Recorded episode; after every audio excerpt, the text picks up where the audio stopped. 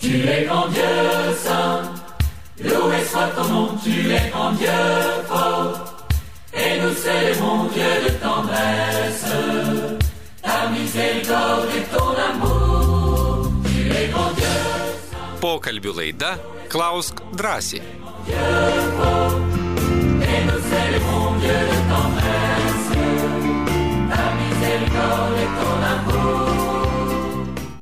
Sveiki gyvi, mėly Marijos radio klausytojai. E, Šį rytą laidoje dalyvauja kunigas Liutauras Vileniškis ir turbūt jūs reikia pristatyti kaip jaunimo centro kapelioną ir Švento Juozapo parapijos vikarą Vilijampolė. Ir teisingai pristačiau.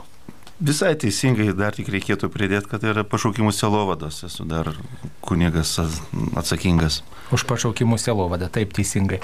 Tai e, štai apie pašaukimus, apie jaunimo centro selovadą, apie e, jauniems žmonėms tikėjimo skelbimą galite klausti. Kunigas šitose sritise dirba ir aišku yra parapijos kunigas. Tai ir e, tiesiog jaunatviškas, energingas kunigas ir tikrai atsakys į jūsų pateiktus klausimus.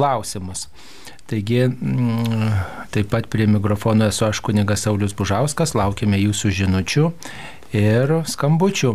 E, Štai viena žinutė atėjo, tokia dažnai pasitaikanti. Noriu paklausti, ar skiriami atlaidai, kalbant gailestingumo vainikėlį su Marijos radiju, klausė Zita. Tai mėla Zita, tikrai jeigu jūs negalite nueiti taip jau be didelių sutrukdymų į bažnyčią, nuvykti ir ten melstis prie išstatyto švenčiausio sakramento arba tabernakulėje saugomo švenčiausio sakramento, nes esat galbūt garbaus amžiaus arba e, sergate. Tai tada, net ir kalbant su Marijos radiju, atlaidai gaunami. Bet jeigu žmogus e, gali būti koplyčioje, aplankyti koplyčią, bažnyčią, kur yra švenčiausiasis sakramentas tiesiog ir, ir ten pasimelsti gailestingumo vainikėlį, tai tokiu atveju suteikiami tik tai daliniai atlaidai, ne visuotiniai. Žinoma, tam, kad galėtume laimėti, gauti ir pelnyti tuos visuotinius atlaidus, reikia ne tik tai gailestingumo vainikėlį sukalbėti prie išstatyto arba tabernakulyje saugomo švenčiausio sakramento, bet ir taip pat reikia pasimelsti popiežiaus intenciją. Tai yra už tai, kas rūpi popiežiui, už tai, e, ko prašo popiežius, e, kad įvyktų pas viešpati Dievą. Kitaip sakant, palaikyti popiežių jo maldoje, jo, jo prašymuose, jo reikaluose e, ir melstis draugė su juo. Ir e, pagal atlaidų vadovą užtenka sukalbėti šitą intenciją Tėvė mūsų sveika Marija maldas. Nu, dar galima pridėti garbė Dievui ir žmonės dar ir tikiu prideda, bet pakanka Tėvė mūsų sveika Marija maldą sukalbėti. Arba taip pat netgi galima pasirinkti ir savo maldą, kokią pasimelsti popiežiaus intenciją, bet būtinai tą reikėtų įvardinti. Na ir taip pat svarbi sąlyga tai yra, kad mes galėtume priimti šventą komuniją artimiausių laikų e, ir taip pat, jeigu reikia, atli, būtume atlikę išpažinti, tai tik tai tada visuotiniai atlaidai suteikiami. Jeigu neišpildomo šitos sąlygos, tai tuomet atlaidai suteikiami tik tai daliniai.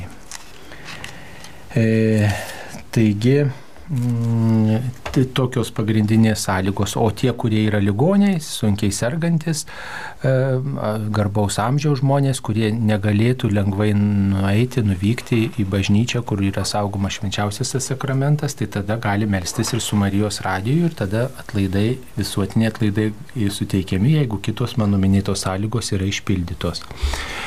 Taip. Mm, gerai, žiūrime, kokios žinutės kokios žinutės mums atsiustos dar. Kodėl žydai nepripažįsta Jėzaus Dievo sūnumi, o tik paprastu žmogumi, kuris vadino save mesiju? Na, kunigė, gal jūs turit kokių idėjų šio klausimu?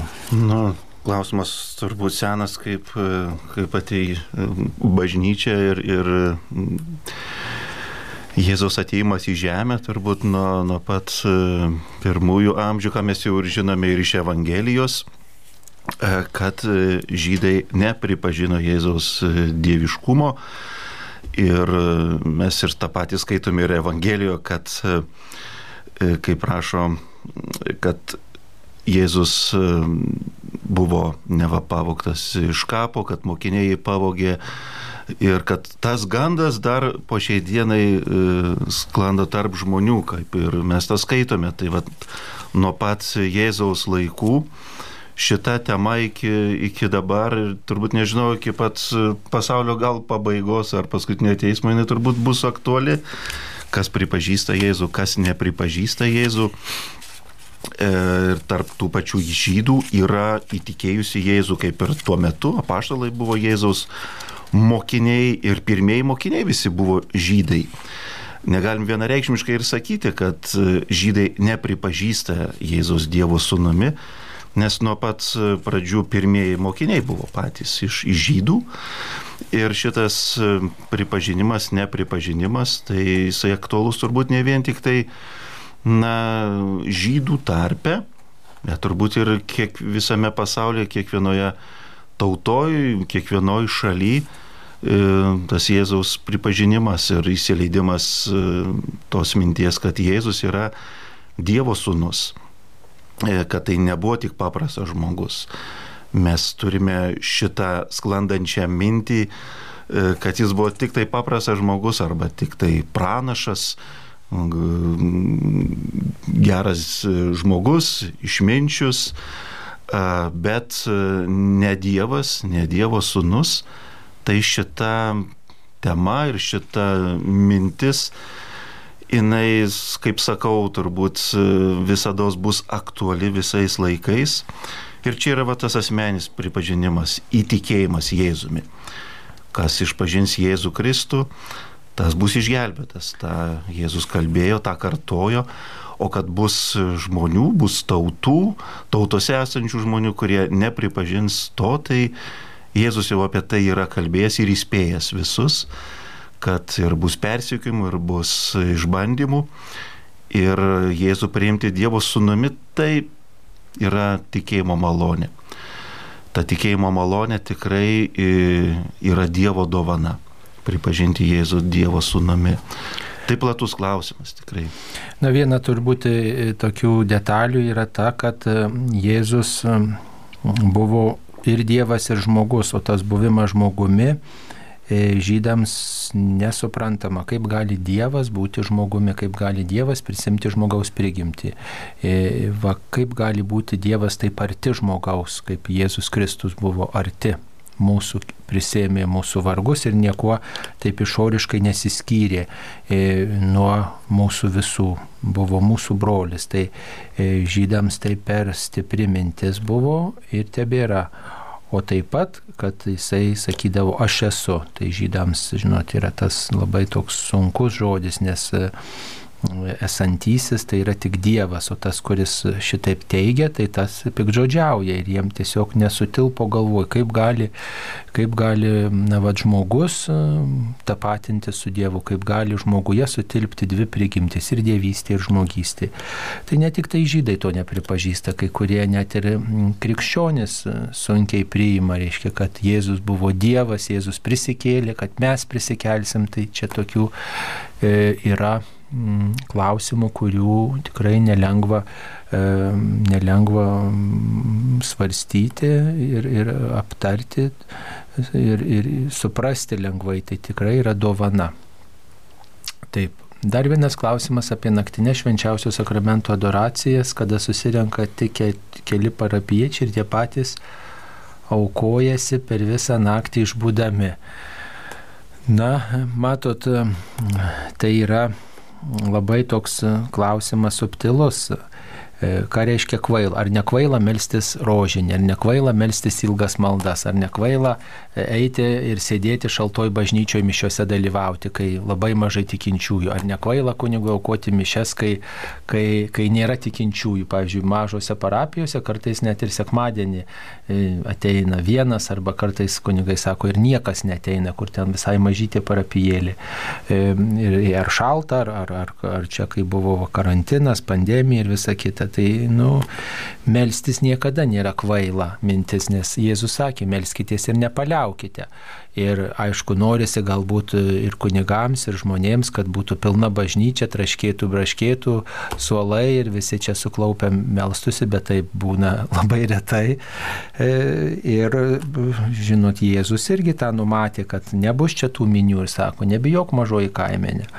Ir visada šmėžavo ir šventam rašte, švento rašto istorijoje tas ištikimųjų likutis, kurie tikrai mato prasme, kurie ištveria, išbūna ir meldžiasi, o mm, naktinis būdėjimas tai yra sena bažnyčios tradicija.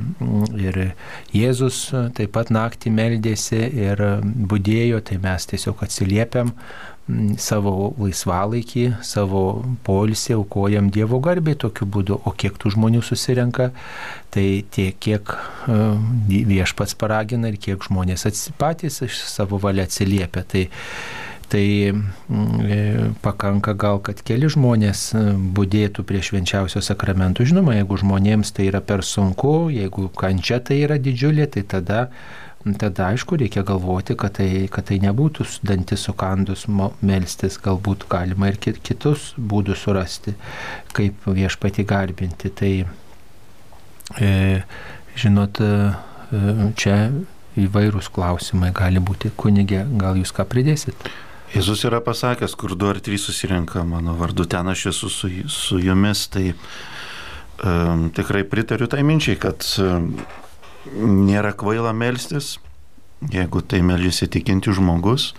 Ir tikrai Dievas mato kiekvieną mūsų, mūsų mintis ir mūsų širdis. Ir ta, tas atsidavimas viešpačiu, jeigu tikrai tik tai keli žmonės, tai maldos vaisiai tikrai jiems, jiems bus. Ir ta ištikimybė parodyta, parodyta Jėzui tai jinai tikrai yra aktuali kiekvienam tikinčiajam. Mes, mes visi esame Jėzus mokiniai. Yra e, vietų, kur galbūt tikrai reikėtų vadovautis e, tokio protingumo, protingumu. Jeigu tai iš tiesų žmonės tai alina, vargina, jeigu jie, pavyzdžiui, yra tarnystėse ir taip jau bažnyčioje, ir dar jiems, ar pavyzdžiui, jau prašom, ar tiesiog gal tai ir kunigas gali tiesiog, na taip, e, neįsigilinęs galbūt į žmonės ar arba žmonių grupės, kurios tikrai dirba, tarnauja, joms dar e, turėti tokias papildomas praktikas kaip naktinė adoracija. Tai aš manau, kad čia visur reikia vadovautis taip pat ir protingumu, e, kiek, kiek savęs atiduoti maldai, nes e, Tai gali būti taip pat ir reikia žinot, kad mes esame žmonės, mums reikia ir miego, mums reikia ir poilsio. Ir savęs toks galbūt perteklinis nu, nualinimas, tai tikrai klausimas būtų, ar, ar tai yra reikalinga, reikalinga Dievui. Tokia mūsų kartais galbūt ir perdėta auka ir, ir, ir netausojimas savo, savo sveikatos ir savo, savo visų resursų. Taip, e, dar tokia žinutė atėjo.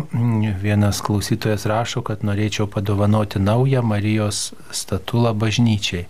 Ir pateiktas telefonas. Taigi, jeigu kam nors reikėtų kokiai nors bažnyčiai naujos statulos, e, naujos statulos, tai galite paskambinti operatoriui ir pasakyti savo telefoną, mes susisieksime ir e, galėsite galėsite priimti šitą dovaną. Taip, dabar dar vienas klausimas apie šeštinės. Ar Jėzaus dieviškumo šventė nėra šeštinės? Kokią reikšmę turi šeštinės?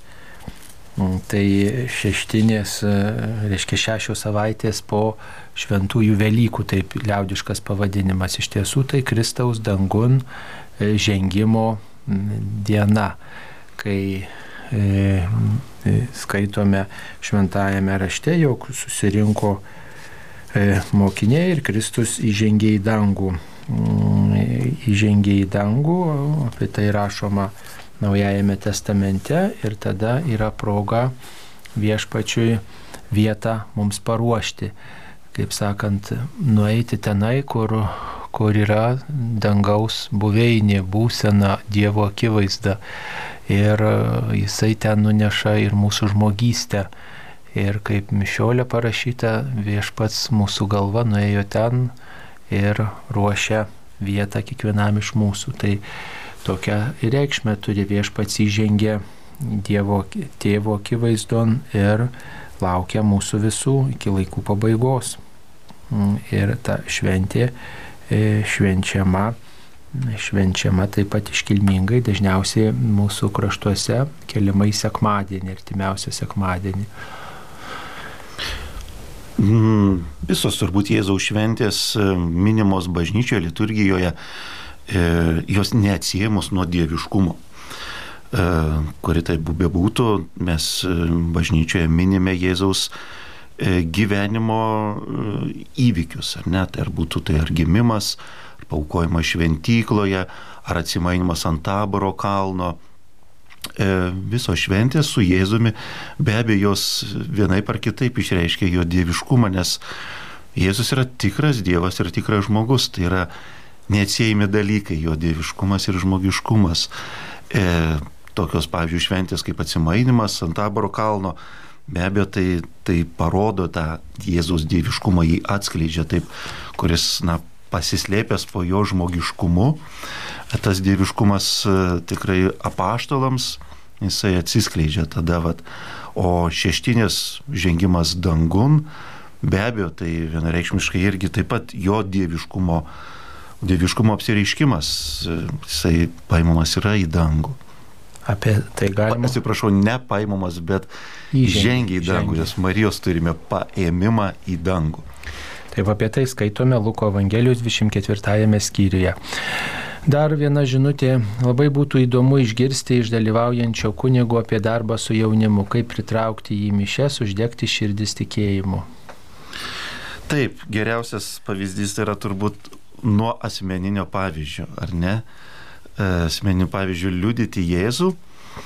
Ir geriausias, efektyviausias e, tikėjimo liudimas tai yra džiaugsmo liudimas, kad tikėjimas man teikia, teikia vilties, tikėjimas man duoda pagrindą po kojomis ir jis mane stiprina visose gyvenimo e, aplinkybėse, išbandymuose.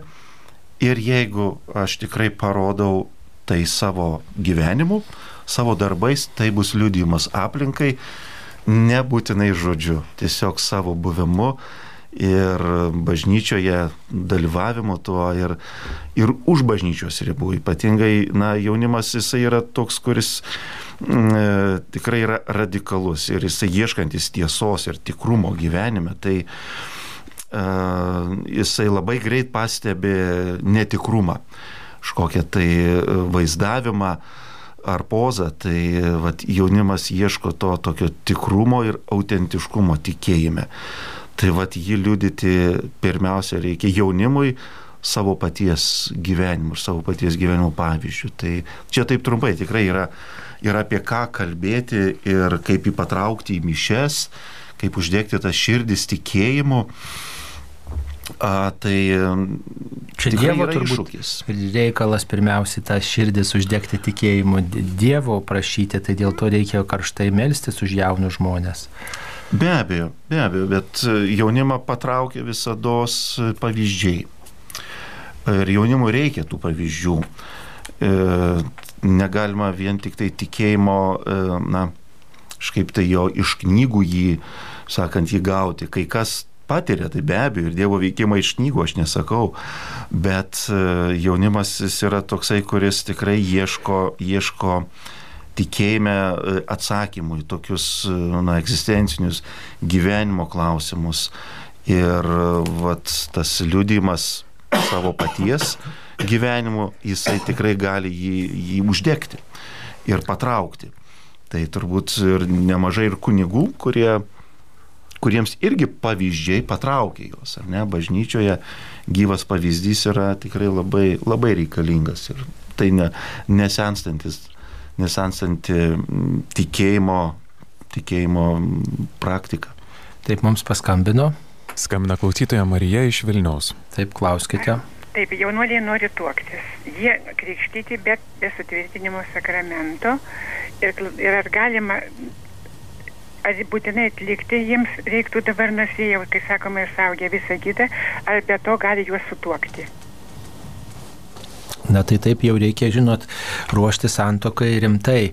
E, tai sutvirtinimo sakramentas, toksai brandos sakramentas reiškia, kad man tikėjimas svarbus, aš jį sąmoningai pasirenku ir, ir tikrai, jeigu noriu bažnyčiai tuoktis, tai aš noriu tik, tik gražių apieigų, ar noriu tikrai pilnavertiškai įsipareigoti, ba, ba, būti aktyvesniu bažnyčios narius, sąmoningiau suvokti ir pašaukimą, ir šeimos pašaukimą, ir bažnyčios mokymą, ir tą palaiminimą, sakramentą, kurį santokos sakramento prasme mm, suvokti, tinkamai pasiruošti. Tai, mm, tai čia klausimas yra e, toksai, kad žmogus norintis susituokti bažnyčioje turėtų būti priėmę sutvirtinimo sakramentą. Ir yra galimybės tam ruoštis sutvirtinimo sakramentui sudaromos įvairios lankščios galimybės. Tai čia ieškoti reikėtų parapijoje ir pat patys tie norintys tuoktis turėtų tuo rūpintis. Ne mama, ne močiutė, ne teta, ne kaimynė, ne, ne, ne dar kažkas, bet pats žmogus turėtų rūpintis, nes labai nekas yra, kai kiti mūsų dvasinį gyvenimą gyvenimą tvarko, reguliuoja, čia gali paaiškinti kažką, patarti, bet patiems žmonėms reiktų samoningiau domėtis, nes kitaip tai bus, žinokit, tik formaliai. Tik formaliai busim tą atliekę. Tai tikrai tegul jaunieji eina į pas parapijos kunigą, tos parapijos, kurioje tuokėsi ir šiuo klausimu kalbasi. Žinot, sakramentas tai nėra E, vien tik tai e, sandėris, kurį nueiname, bet, pavyzdžiui, metrikacijos e, biurą ir tenai sudaroma, sudaromas tas sandėris, sakramentas ir tas pasiruošimas sakramentui, tai mes kalbam apie visą likusį gyvenimą santokai. Tai pasiruošti tikrai skirti tos vienus metus, pasiruošti santokai, tai nėra daug. Mes kunigai ruošiamės kunigysės sakramentui kiek metų? 6-7 metus, ar ne? Vat tiek e, vienuoliai e, įžadams amžiniesiems ruošiasi kartais ir dar daugiau. Dabar mes apie santokome kalbame, nes reikia labai greitai, ar ne? Ir čia kuo greičiau reikia viską praeiti, susitvarkyti, kaip sakoma, bažnyčioje. Tas susitvarkymas, pagalvokime tikrai ir tiems, tiems žmonėms, kurie ruošiasi santokai, ar galima tikrai visam gyvenimui ir šitokiam svarbiam žingsniui pasiruošti, na, per dvi savaitės. Taip.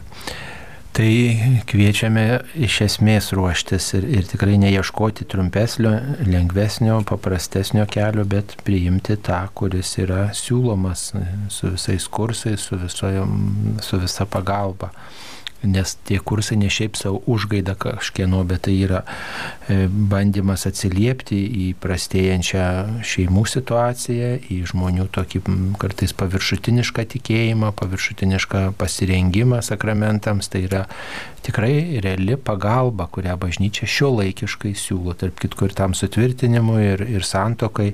Čia ne tik kunigas ruošia, dažnai įsijungia ir įvairūs e, pasauliečiai, įvairių profesijų pasauliečiai, kurie turi tokios specifinės patirties, tai tikrai labai naudinga yra ir įdomu ir tuose kursuose dalyvauti, ir proga galbūt būna ir į rekolekcijas nuvykti, tai tikrai yra unikali galimybė atnaujinti, pagilinti savo tikėjimą ir taip rimčiau pasiruošti rimčiau pasiruošti nu, gyvenimo svarbiam žingsniui, nes nepasiruošus tai reikės labai skaudžiai už tai sumokėti. Jau pasiruošę žmonės dar visko būna, o nepasiruošus tai, žinot, ką reiškia eiti į karą nepasiruošus, eiti į kažkokį žygį nepasiruošus, eiti vykdyti kažkokią užduotį nepasiruošus.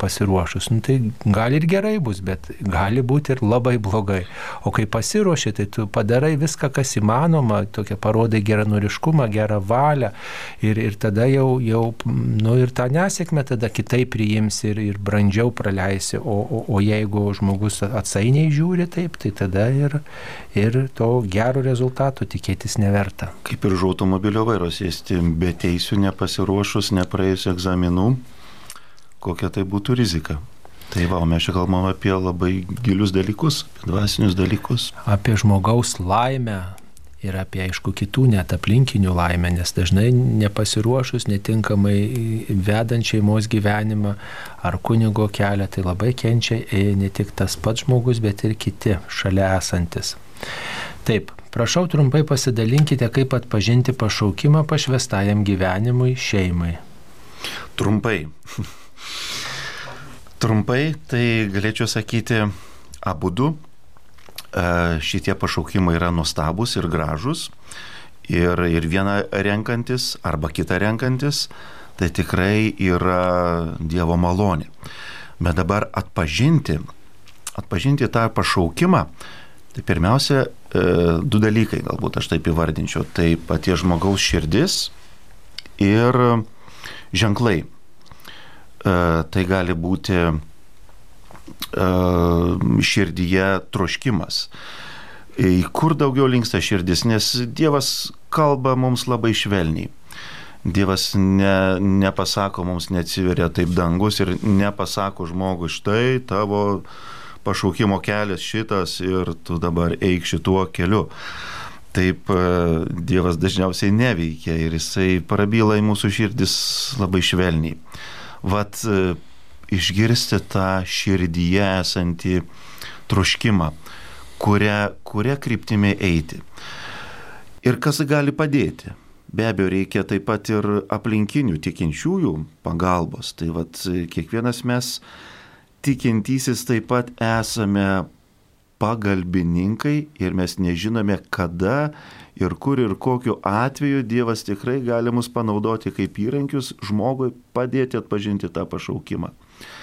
Tai galima pasikalbėti su kunigu, galima pasikalbėti su vienuolė, galime pasikalbėti su kitu broliu, sesė, tikinčiu žmogumi ir taip pat ir jų pasiklausti, patarimo, nuomonės galbūt ar išvalgų, kas gali irgi padėti, padėti susidėlioti savietas esančias, na, tos troškimus vidinius, bet pirmiausia, tai klausykit savo širdies.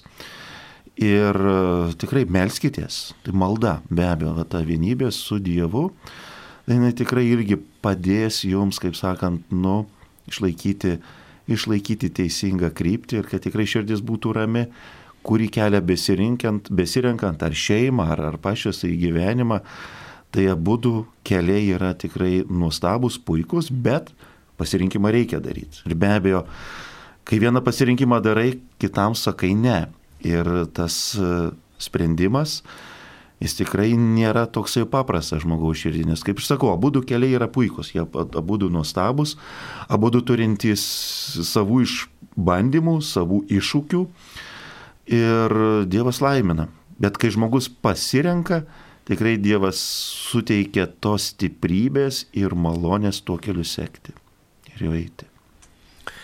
Taip, na, yra tam ir rekolekcijos organizuojamos ir Samuelio kursas, kur galima taip pat ir kitų liūdėjimų klausytis ir, ir taip pat melstis išmokti e, tokio klausimo, maldos ir, ir tai tikrai padeda. Taip, mums dabar dar vieną žinutę atsiuntė apie, e, apie paauglį apie paauglį, kaip šitą paauglys, paauglio gyvenimas krypsta į malonumus, kaip vis dėlto kreipti į tikėjimą. Ar tenka susidurti jums su paaugliais? Tenka, be abejo, be abejo tenka. tai kaip atkalbat nuo pramogų, nuo malonumų, ar net kalbat? E, mes jaunimo centre tai tikėjimą liūdime aišku, taip pat ir, ir su džiaugsmu.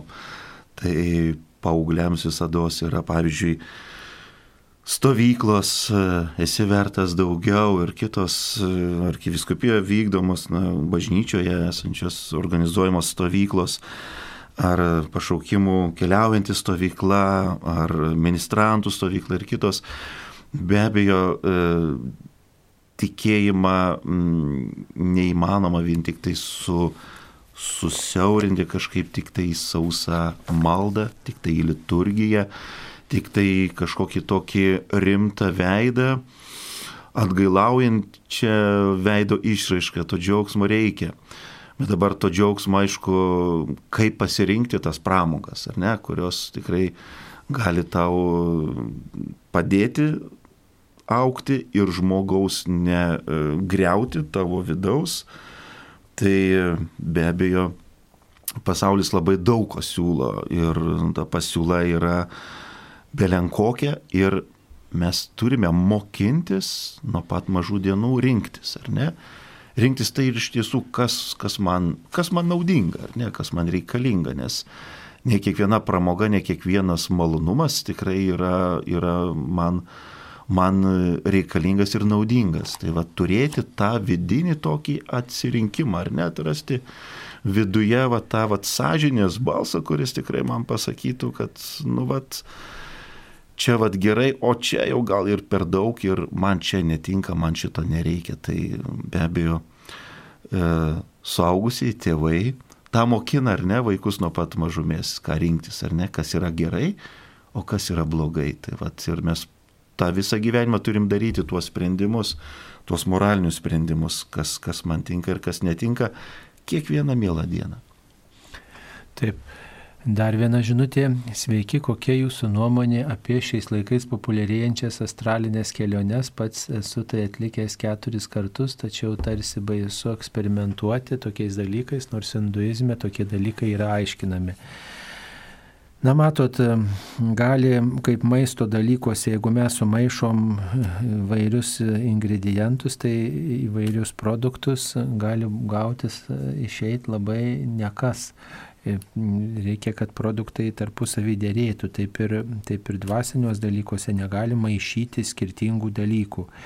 Jeigu jūs esat krikščionis, tai bet kokios praktikos, kurios prieštarauja krikščionybei, jos neturėtų būti taikomos, nes e, tada jūs atsigrėžėte prieš patį Kristų ir atsigrėžėt kitoms galioms, kitoms jėgoms, neiškioms jėgoms. Ir E, nereikėtų užsiminėti tokių, tokių praktikų populiarinimo vat, ir, ir jas gilinimusi, nes tai nėra krikščioniška, apie tai nei šventam rašte neskaitome, nei bažnyčios mokime, nėra rekomendacijų tą atlikti, yra maldos laikas, yra meditacijos laikas, yra meditacijų, kontempliacijos būdas, yra E, galbūt vienokia ar kitokia malda, bet e, tos astralinės kelionės, tai čia jau yra ne iš Dievo toks dalykas. Jeigu jums e, tai priimtina, tai yra jūsų pasirinkimas, bet su krikščionybė tai neturi nieko bendra. Ir paprastai užsimdami tokiais dalykais tolstam nuo Dievo, sumaišome e, tikėjimą, santyki su Dievu, sumaišome su tuo, kas tam tikėjimui prieštarauja. Ir tai rizikuojame tokiu būdu nu, na, savo dvasinį gyvenimą sugadinti, atmiešti ir, ir nu, nebus nei ramybės, nei paguodos, nei džiaugsmo, tokio, kokį gali teikti autentiškas krikščioniško tikėjimo populiarinimas. Jeigu esat krikštytas ir save laikot kataliku, reikėtų dėl to atlikti išpažinti, atsižadėti to išpažinti ir galbūt net ir pasitarti su egzorcistais, jeigu užsiminėjate tokiom praktikom. Taip, ką mes čia dar turime, apie pašvestą gyvenimą jau kalbėjome. Taigi, e, apie to kvėpio valandėlę rašo, bet dabar tikrai neatsiminsiu, kokia to kvėpio valandėlės tema yra, tai pasiklausykite ir išgirsite. Dar vienas klausimas yra apie viltį. E, suprantu, kas yra tikėjimas, tai yra santykis su Dievu, meilė tai yra gerumo, atleidimo, supratimo praktikavimas, o kas yra viltis? Kunigė, kaip mes atsakysime apie viltį? Krikščionybėje viltis yra, turi konkretų labai aišku vardą, ar ne? Kas yra mūsų viltis ir į ką remiasi mūsų, mūsų viltis. Tai nėra vien tik tai kažkokia tai idėja, na, tokia na, nuotaika, bet e, jinai turi tikrai labai apčiuopiamą vardą. Tai mūsų viltis yra Jėzus Kristus, ar ne? Ir į jį mūsų yra viltis sudėtos ir mūsų pagrindas turbūt ir gyvenime. Toks labai, aišku, filosofinis, platus klausimas, e, kam žmonės šiais laikais sudeda viltis, ar ne? Galime sudėti viltis į, į savo šokius materialinius dalykus, ar ne, kas man teikia pagrindą po kojomis, į savo žinias, gebėjimus, talentus, į turtus, į žmonės sudėti viltis, ar ne. Ir daug kur galime mes tikrai ir, ir turėti daug ir pavojų, ar ne, juk ta mūsų viltis sudėta, jeigu jinai yra tokia ribota, ar ne, mūsų, mūsų gyvenime, jeigu jinai yra laikina, kai pavyzdžiui prasidėjo ekonominė krizė 2007-2008 metais Amerikoje, tai tikrai buvo liūdna matyti, kai žmonės sudeda viltis, pavyzdžiui, į savo, į savo turtą, ar ne? Tikrai buvo tokių labai liūdnų istorijų, kai žmonės ir timdavo savo gyvybę, darydavo labai tikrai tokius siaubingus dalykus su savo gyvenimu, nes viltis matyt buvo sudėta į kitus dalykus. Ir kai ir tikrai ištinka dideli išbandymai, ar ne, krizės, ištinka karai, ištinka epidemijos, va to labai tada pasimato turbūt, kur žmogus yra, kur ta jo viltis yra, į ką jinai remiasi, nes e, tikrai šito pasaulio dalykai jinai yra laikini, yra praeinantis. Ir e, jeigu juose mūsų širdis yra atsirėmusi, jinai tikrai gali net laikyti va, tų gyvenimo išbandymų ir tų gyvenimo iššūkių. Ir tada būna labai liūdna, nes e, griūna kartais ir žmonių gyvenimai, griūna tas, tas jų pamatas, į ką jisai buvo sudėjęs savo viltis. Tai, aš sakyčiau, labai svarbus klausimas, į kurį mes kiekvienas, kiekvienas turime na, rasti atsakymą, ar ne, ir tikrai rasti tokį atsakymą, kuris, kuris būtų remiamas ne šio gyvenimo praeinančiais dalykais, bet amžinaisiais dalykais. Tai va, krikščionių, kaip sakau, viltis visą laiką yra Jėzus Kristus ir jinai, viltis yra labai apčiopiama ir labai konkreti. Taip, ačiū. Dar vienas klausimas, žinutė, iš kokių ženklų atpažįstamas e, tikėjimo gyvenimas. Na, tai turbūt e, visų pirma iš artimo meilės atpažįstamas. E, kartai žmogus nieko nekalba apie Dievą, bet yra labai paslaugus, labai taktiškas, mylintis, atleidžiantis ir tada kyla klausimas, e, kodėl toks žmogus, vat, kodėl toks geras jisai. Ir galbūt kalbantis tada ir išryškėja, kaip jis leidžia sekmadienį, kaip jis pradeda dieną, užbaigia dieną ir panašiai. Tai va tas artimo meilės ženklas turbūt yra vienas svarbiausių dalykų. Aišku, yra tie išoriniai ženklai, kai žmogus gal meldžiasi prieš valgį, nešioja kryželį, gal ant mašinos susiklyjavęs žuvytę kuri yra krikščionybės simbolis. Tikrai tai nėra žvėjo mašina, jeigu su žuvyte važiuoja užklijuota lipdukas žuvytės.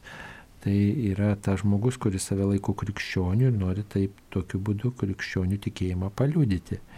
Va. Tai, tai toks, toks tas e, išskirtinumas, aišku, sekmadienis krikščionių yra labai svarbi diena, jisai tą dieną švenčia mišes. Ir iš to, kaip leidžia žmogus sekmadienį, galima nuspręsti, ar jisai tikintis yra, ar jisai ne ar jam tas tikėjimas niekiek nerūpi. Vat, tikinti žmogus visada sakys, aš einu į mišes ten tokiu ar tokiu laiku, ryte ar vakare, ar ten šeštadienį vakare, kai pradedama švesti sekmadienis, kai jis dalyvauja mišiuose, tai tada gali sakyti, o žmogui rūpi Dievas, o jeigu jam nerūpi, tai jis ir nedalyvauja. Nu, gal jūs dar kokį pridėsit ženklą? Be abejo, kad uh išorinis mūsų e, gyvenimas, taip kaip mes e, parodome e, aplinkai save, išreiškėme save savo darbais, savo veiksmais, tai be abejo liūdė ir tai, kas, kas yra ir mūsų viduje, turbūt kas yra mūsų širdyje. Tai be abejo, kaip ir nuo turbūt ankstyviausių amžių, sakė krikščionys, kuo jie išsiskirdavo, sako, pažiūrėkite, kaip jie vieni kitus myli.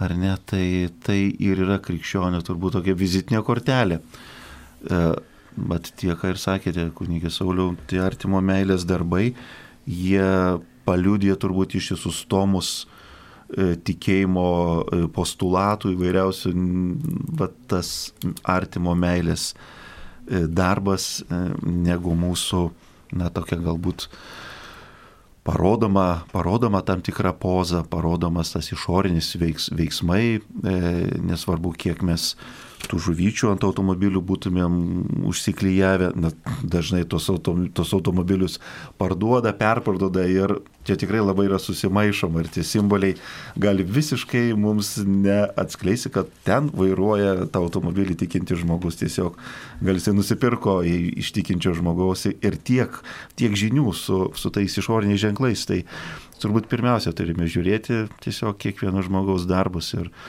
ką jisai daro, kaip jisai, kaip jisai elgesi ir, ir kas, ko, ką jisai tuo nori pasakyti aplinkai. Dar vienas e, toks svarbus ženklas, kad krikščionis tiki, jog Jėzus prisikėlė iš mirties. Čia yra mūsų tikėjimo pamatas, kad Jėzus pakilo iš kapo ir kad visus, kurie vienijasi su juo, taip pat prikels. Jeigu žmogus tuo netiki, tai e, turbūt vargu ar jį galima laikyti krikščioniu tokiu krikščioniu, kuris, na, va, pakeliui dar tik tai į tą santyki su Dievu, nes tada, na, kaip sako ir šventasis raštas, apaštalas Paulius, tuščias jūsų tikėjimas, jei Kristus nebuvo prikeltas. Tai, taip sakant, jei mes tuo netikim, to nepriimam, tai ir, nu, visa kita neturi tokios gilios prasmės. Taip, dar viena žinutė, ką tik atėjo, sveiki, ruošiuosi sutvirtinimo sakramentui, prieėjau iš pažinties prieš savaitę ir vis tiek jaučiu piktas mintis, nuoskaudas keliems žmonėms dėl padarytų skriaudų. Aišku, aš piktų neatsakau, ar reikia iš pažintie atsiskaityti ir už mintis, nes jaučiuosi tarsi neverta priimti sakramentų. Tai žinot, jeigu tos piktos mintys vargina, tai tikrai, tikrai galima pasakyti, kad įvardinti, kad, nu, vat, ateina piktų minčių ten, arba aš pritariu joms, jeigu pritariu, tai yra nuodėmė, jeigu aš nepritariu, ateina tų minčių, bet aš atmetu galinėjosi. Jeigu nepritariu to mintim, tai nėra nuodėmė, tikrai nėra nei sunki nuodėmė, nei lengva, jeigu aš nepritariu, atmetu, tai yra kova. Va, jeigu nuoskaudas prisimenat, kažkas iškyla, bet jūs nenorit, nelinkit pikto, blogo tam žmonėm, tik jums liūdna, skaudu galbūt, e, galbūt e, nu, toks apmaudas yra kartėlis, toksai nusiminimas e, ateina, tai tada irgi nėra nuodėmė. Būtų tas blogio linkėjimas tam žmogui, toks mintis, kad maždaug kad tau nepasisektų arba kad tave kas nors tenais, nu, nu, kažkas ten atsitiktų tau ar panašiai. Tada jau toks pikta linkėjimas, toksai e, pa, panieka kitam, vat, tada, tada būtų jau ta pikta mintis tokia rūstumas, kurią reikėtų neapykanta, kurią reikėtų išpažinti nuodėmė. Jeigu buvot neseniai išpažinties prieš savaitę ir jeigu kitų nuodėmių neturite, tai tai tada, žinot, galima tikrai svarstyti, kad aš nepritariu to mintim, nu, vat, nepritarti tam. Kai nepritariu, tai tada ir nėra nuodėmės, o jeigu vis tik jaučiat neramumą, nu, jeigu prieš sutvirtinimą atliksite išpažinti, jau galima ir po to, juk viskas sutvirtinimu nepasibaigia. Tai nėra, kaip kartais juokaujama, atsisveikinimo su bažnyčia šventė, kad jau susitvarkiau ir tada nebelankysiu bažnyčios. Tai, tai ir po togi galima švesti E, sutvirtinimo sakramentą ir toliau gyventi, ne tik tai galima, bet ir e, reikia gyventi toliau tokį sakramentinį tikinčio žmogaus gyvenimą. Va tai mm, niekas nėra čia, kaip sakant, vertas ir jau labai gerai pasiruošęs tam sutvirtinimo sakramentui arba bet kokiam kitam. Tai yra dovana, bet tik tiek, kad tą dovaną mes kiek įmanome, e, kiek nuo mūsų priklauso mm, ruošiamės priimti, pa, pa, pasirengiam, kiek, kiek suprantam, kad tai Dievo malonė kuo labiau būtume atviri, bet net ir geriausiai pasiruošęs ar kunigystė, ar šeima, ar sutvirtinimo, ir pirmai komunijai, vis tiek jis tą sakramentą gauna kaip dovana. Nėra sakramentai kaip medalis. Tu gerai pasiruošiai, na tai šią tau medalį, va dabar priim kunigystę, nes tu egzaminus išlaikiai dešimtukais arba ten dar kažkaip. Tai vis tiek yra dovana. Niekas nėra vertas tų Dievo malonių, nes jos yra mm, Dievo artumo ženklai, Dievo artumo mm, dovana tokia ir, ir visada bus dovana, net tobuliausiam žmogui tai yra dovana, nes tobulas Dievas ateina prie mūsų. Kunigė pridėkit dar ką. Aš norėčiau irgi sureaguoti į Laurą, Laurą šitą žinutę, kad patirtas nuoskaudas e, tikrai gali, gali jos, pavyzdžiui, lydėti tave ir, ir, ir ne, nežinia, ne, ne, neribotą laiko tarpą. Neribotą laiką ir atleisti savo širdyje, tikrai patirtas nuoskaudas, tai yra procesas. Labai gerai, kad tu atėjai, žinai, vat, išpažinai šitos dalykus ir kad sunku tau atleisti, kaip matau, tikrai tai nėra, nėra lengvas dalykas. Pirmiausia, tai patikėk, kad Dievas tau atleidžia, ar ne? Dievas tau atleidžia ir dėl šitų minčių, ir dėl, dėl, dėl, dėl viso to, ir priimta Dievo gailesingumą, kuris tave gali gydyti. Ir tai yra procesas, tikrai atleisti nuoskaudas, mes turbūt kiekvienas turime patirties savo gyvenime ir šitų įvairiausių patirčių, įvairiausių didesnių, mažesnių nuoskaudų. Ir tikrai žinomas dalykas, kad ne visada taip paprasta būna kartais atleisti. Ir tai yra, tai yra procesas, kuriame tikrai keliausdama toliau, tikėjimo kelionę, eidama iš pažinties, tikrai tu auksi ir tikrai įsileisdama Dievo gailestingumą, kad tau yra atleista, ateis laikas, kada ir tu pajėgsi atleisti ir tas nuoskaudas, kokios jos bebūtų didelės, ar kokios jos bebūtų tau skaudžios. Tai va tai sėkmės tik tai keliaujant toliau tikėjimo kelionėje. Taip, dar viena žinutė. Ar katalikų kunigai turi gerus meditacijos įgūdžius, kaip pavyzdžiui, Tibeto vienuoliai?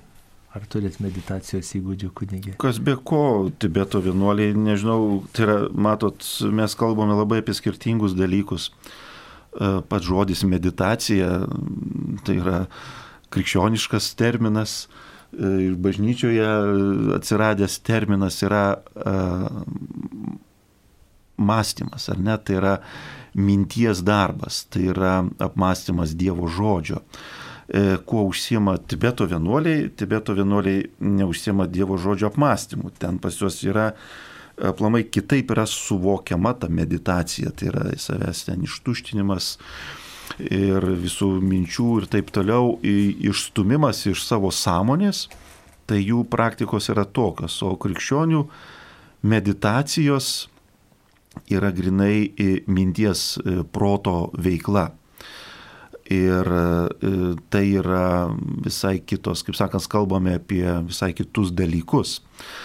E, kunigai ruoždamėsi kunigystėje visada e, yra lavinami, ar ne, lavinami e, mąstyti Dievo žodį, ar ne, turėti tą tylos maldą, susikaupimą, rekolekcijas. Tai kiekvienas kunigas šitos įgūdžius turi, kiek jis juos lavina, kiekvienas kunigas turi savo skirtingas patirtis.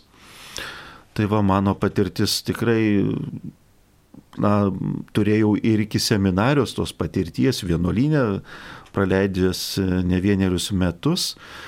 Tai tas Dievo žodžio apmąstymas arba vieno tiesiog žodžio apmąstymas, kurį tu gali gromulėti tiesiog savo širdyje visą dieną ar ištisą net savaitę, tikrai tas duoda vaisių ir E, bažnyčia tikrai turi turtingą labai tradiciją, meditacijos tradiciją. Bet meditacija ne, neužsibaigia vien tik tai šitų procesų, vedama taip pat keliaujama ir toliau link kontempliacijos. To vat mylinčio žvilgsnio į Dievą, tiesiog pasilikimą tokiam buvime su Dievu, su savo pačiu labiausiai mylimiausiu asmeniu pasaulyje Tai vad iš meditacijos tai toks sekantis žingsnis ir jisai e, taip pat yra svarbus. Tai meditacija, kaip ir sakiau, bažnyčios tradicijoje, jinai tikrai turi labai gilės šaknis ir kiekvienas kunigas yra lavinamas, ar ne, jisai gauna pagrindus seminarijoje, paskui gyvenimas toliau, toliau e, tęsiasi kunigystėje ir be žodžio apmąstymo, be meditacijos, tai mes tikrai būtumėm tik tai barškantis simbolai tokie bažnyčioje, jeigu neturėtumėm vat, šitų, šitų vat, šitos malonės, at, apmastyti Dievo žodį ir išnešti jį tada kitiems žmonėms ir apie jį kalbėti, jeigu jis nebus apmastytas, išgyventas, iš, išnešiotas savo, savo širdyje.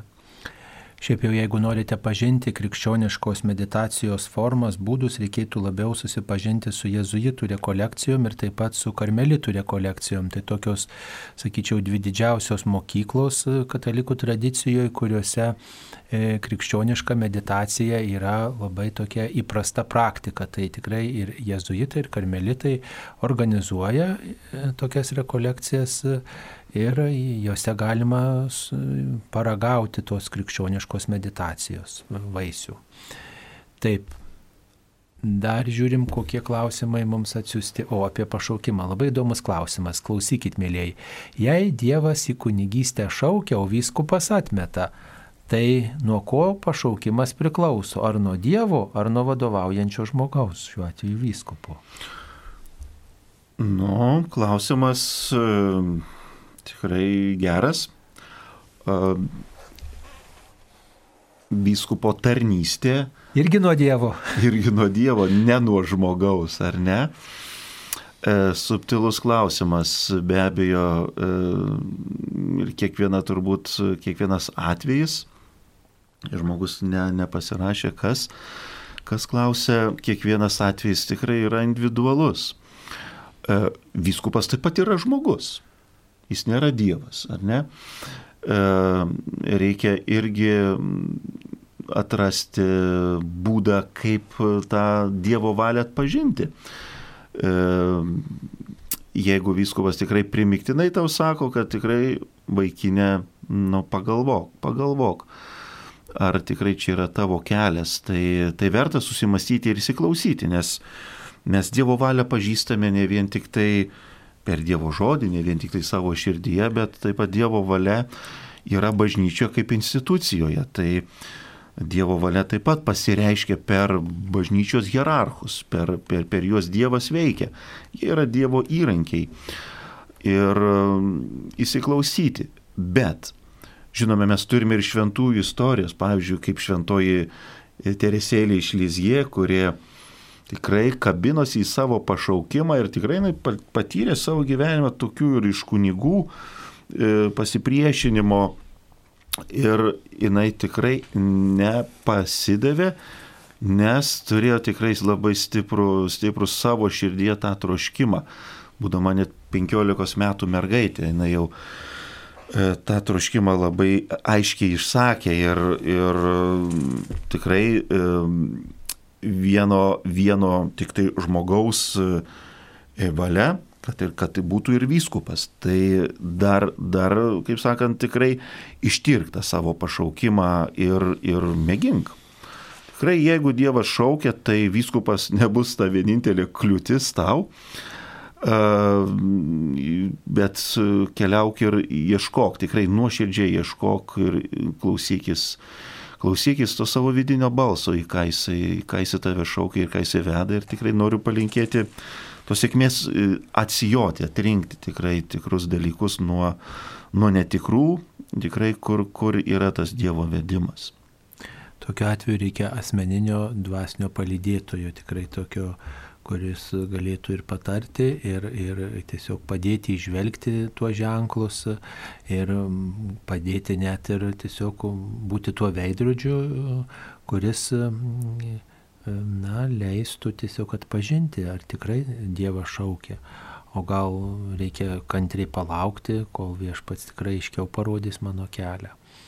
Tai pašaukimas yra dovana nuo Dievo. Ir, Jeigu tai nuo Dievo, tai net ir vyskupas ar popiežius nesutrukdys šitam pašaukimui, net jeigu ten būtų ar klaida, ar žmogiškas kažkoks aspektas, jeigu tai yra iš tiesų nuo Dievo, žmogus tikrai šitą kelią pasirinks, bet jei ne nuo Dievo, arba žmogus tikrai kažkaip labai lengvabūdiškai su šita dovana elgsis, pats susidūrė su sunkumais pašaukimo keli, na, atsisakys šito kelio, na, tai yra žmogaus pasirinkimas atmesti pašaukimą, nepritarti, net jeigu yra kliūtis, ne, arba nesistengti tas kliūtis kažkaip išspręsti, išsiaiškinti kažkaip.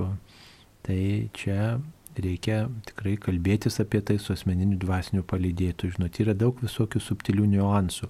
Kartais Dievas šaukia, bet yra kliūtis, kurios numatytos kanoniuose. Ir tada, na, žmogus pasirenka tiesiog bendradarbiauti su Dievu kažkokiu kitu būdu. Čia tas pats vyskupas ar dvasinis palydėtojas gali padėti, nes ne visi tie, kurie jaučia tą pašaukimą, pastebi to pašaukimo ženklus, yra tinkami užimti siekti kunigo tarnystės. Tai e, su tuo irgi reikia skaitytis. Iškai, bažnyčia e, kviečia mąstyti šitą temą, bet taip pat ir reikia tam tikros, yra tam tikros sąlygos. Tas sąlygas taip pat reikia na, atitikti, kad galėčiau ruoštis šventimams. Taip, dar viena žinutė, kaip Paulius tapo paštalu, jeigu gyvam Dievui esant jie nebuvo susitikę.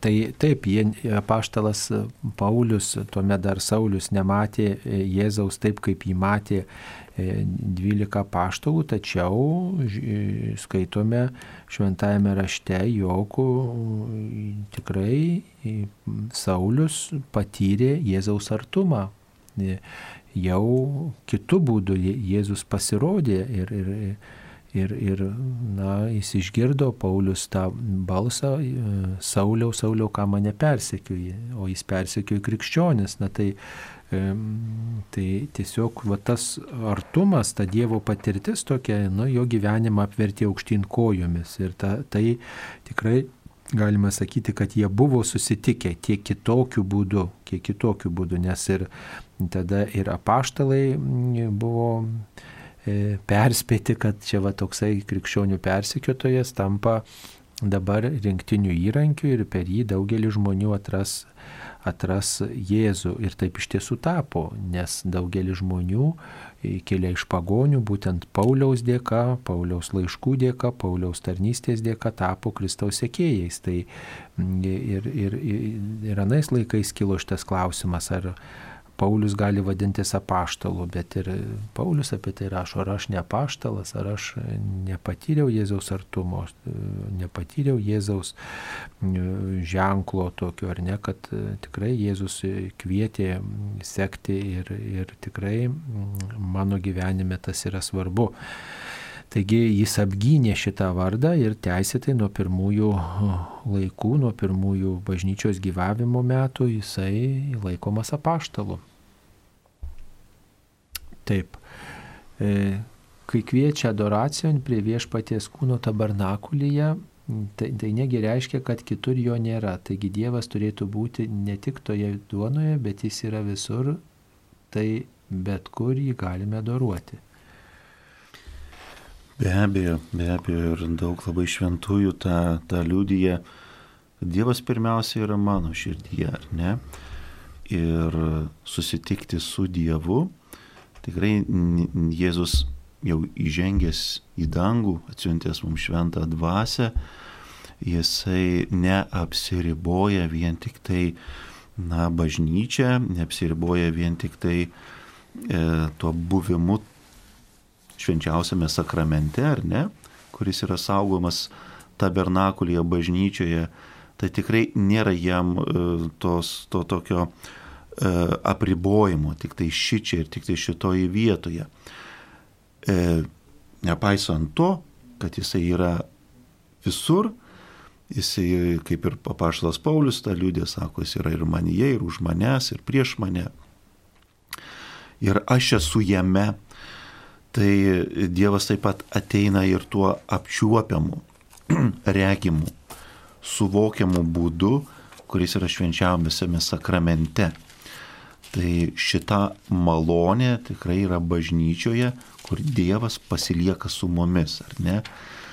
Ir tai krikščionys, tikrai va tie krikščionys, kurie Ir tikrai vat, e, galiu ir paliudyti, kad e, krikščionys, kurie atėjo vat, iš kitų e, denominacijų į sugrįžę, gal galima sakyti, į katalikų bažnyčią, vat, man yra tekę vat, tų liūdėjimų patirti, kad sako, vat, tikrai sako, sugrįžau į bažnyčią dėl švenčiausio sakramento, sako, kad jūs turite šitą, šitą malonę, turite Kristaus kūną, mačia apčiuopiamų būdu, aš galiu būti pasilikti su Jėzumi. Tai ne vien tik tai savo širdyje, mes turime Jėzų, ar ne, gyvenantį mūsų, mūsų protė, mūsų mintyse, mūsų troškimuose, bet taip pat, kad Jėzus yra ir tuo apčiuopiamu būdu, va, tabernakulė, kur tikrai galiu sutikti Jėzų, kur Dievas tikrai čia yra žemėje. Tai ateinant pro kiekvieną bažnyčią, vat, tikrai tą nepamiršti, kad čia tikrai yra Jėzus, čia yra jis yra apčiuopiamas, yra matomas ir aš jį galiu sutikti. Tai va tą malonę tikrai mes turime ir tikrai to, tą dėkojime, dėkojime už tai, kad turime patį Jėzų, patį Dievą čia ir galime jį garbinti, galime tikrai e, kreiptis į jį ir turime va šitą malonę, kurios tikrai ne visos krikščionių denominacijos tu, turi ir ne visos yra e, krikščionių e, bendruomenės grupės, e, ypatingai tos jau nuo katalikų bažnyčios nutolusios, jos e, praradė yra šitą vat, sakramento e, savoką, sakramento supratimą ir apsirboja vien tik tai tikėjimu, Dievo žodžiu bet nebeturi, nebeturi tabernakulį esančio Jėzus, kuris pasilieka su mumis. Tai čia yra va, toks, na, mm, abipusis dalykas, kad ir Dievas yra mumise, bet taip pat Dievas yra palikęs šitą ženklą, palikęs šitą savo meilės sakramentą, kuriame jisai pasilieka iki pasaulio pabaigos. Taip, mums paskambino. Skambina klausytoja Veronika iš Alitaus. Taip, Veronika, klauskite. Tai aš jau sakiau, ir jį palaidojo kunigelis laidojo karstų šventino duobį šventino jisai eidavo po atlaidus visur parveždavo man paveikslukų šventų ir kur kokios mišios buvo. Taip. O ką norite paklausti? Tai aš noriu paklausti toliau, kaip su juo jam žinybei. Ar jis dabar galima kažkaip atmelst ar kaip? Taip, melstis už žmogų, kuris e, turėjo kažkokių praktikų netinkamų, ar kaip? Nugyveno tų santokų, ne. Be, be santokos gyveno, taip? Nu, jis metrikacijų lėmė, o kai nesutiko su pirma šeima, tai jis įskyrė. Ir taip. jos buvo du vaikai, ir jo, ir, ir taip va ir gyveno. Taip, na tai ačiū, supratom. Tai, žinot, belieka, jeigu žmogus buvo krikštytas, tikrai melstis už jį šventose mišiuose prisiminti ir mm, melstis ir tiesiog Dievui jį pavesti.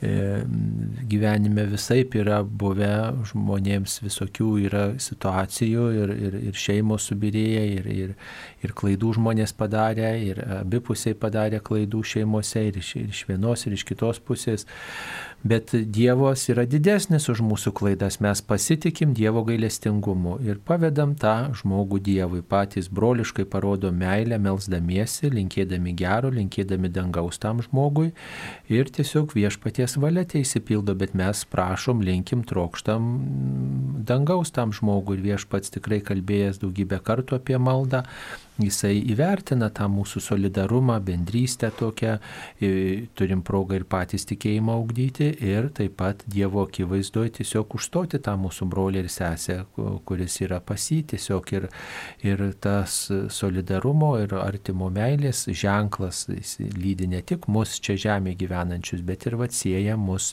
su tais iškeliavusiais. Ir apie tai kalba šventųjų bendravimo tiesa, kad tikrai galime užtarti iškeliaujančius ir praeiti prašyti jų užtarimo, jų maldos, tai melskite už tą žmogų ir, žinot, paveskite Dievo išminčiai, Dievo gerumui, kad viešpats tikrai, e, na, iš savo meilės beribės tą žmogų, tam žmogui būtų maloningas. Dabar padarysim pertrauką ir jos metu pasiklausysime Angelės Joknytės atliekamos giesmės Ačiū tau ir taip pat trumpųjų Vatikano radio žinių. Ačiū Jums. thank you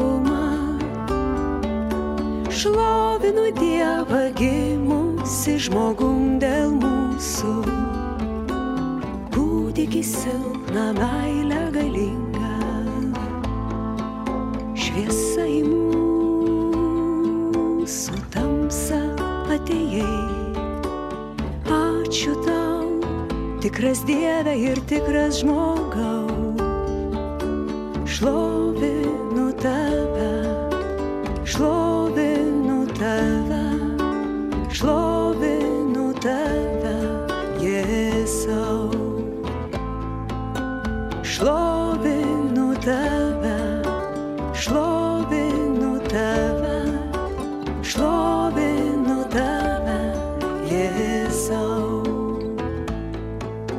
šlovinu žodį tapusi kūnu. Šlovinu tavo gailestingumą. Šlovinu Dievą gimusi žmogum dėl mūsų.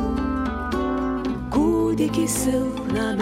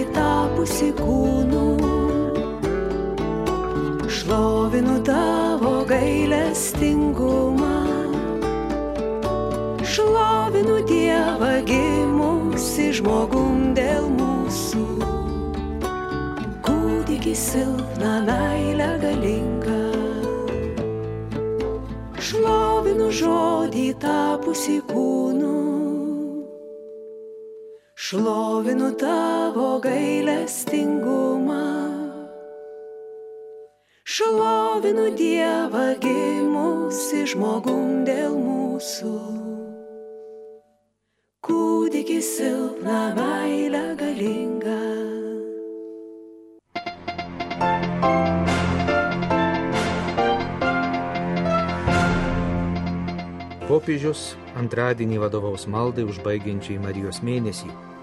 Sinodinis kelias tai ne populizmas ir ne nauja mada, pareiškė Pranciškus. Ukrainos graiko apieigų katalikų vadovo vaizdo žinios ketvirtadienį ir penktadienį.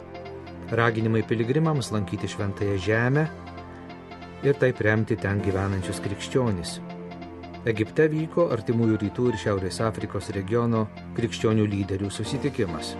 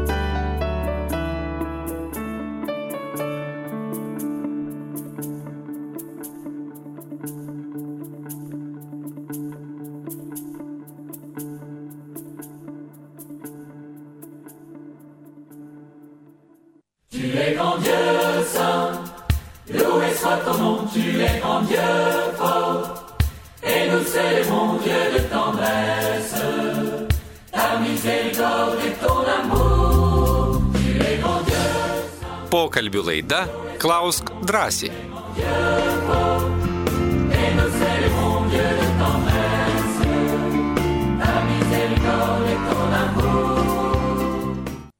Mėly e, klausytojai, po pertraukos vėl prie mikrofono yra kuningas Liutauras Vileniškis iš e, Kauno Vilijampolės Švento Juozapo parapijos ir jaunimo centro. Taip pat ir aš esu kunigas Saulis Bužauskas. Tęsėme mm, atsakymus į jūsų klausimus. Kaip paaiškinti žmogui, kad neegzistuoja reinkarnacija, jei jis įrodinėja jos egzistavimą.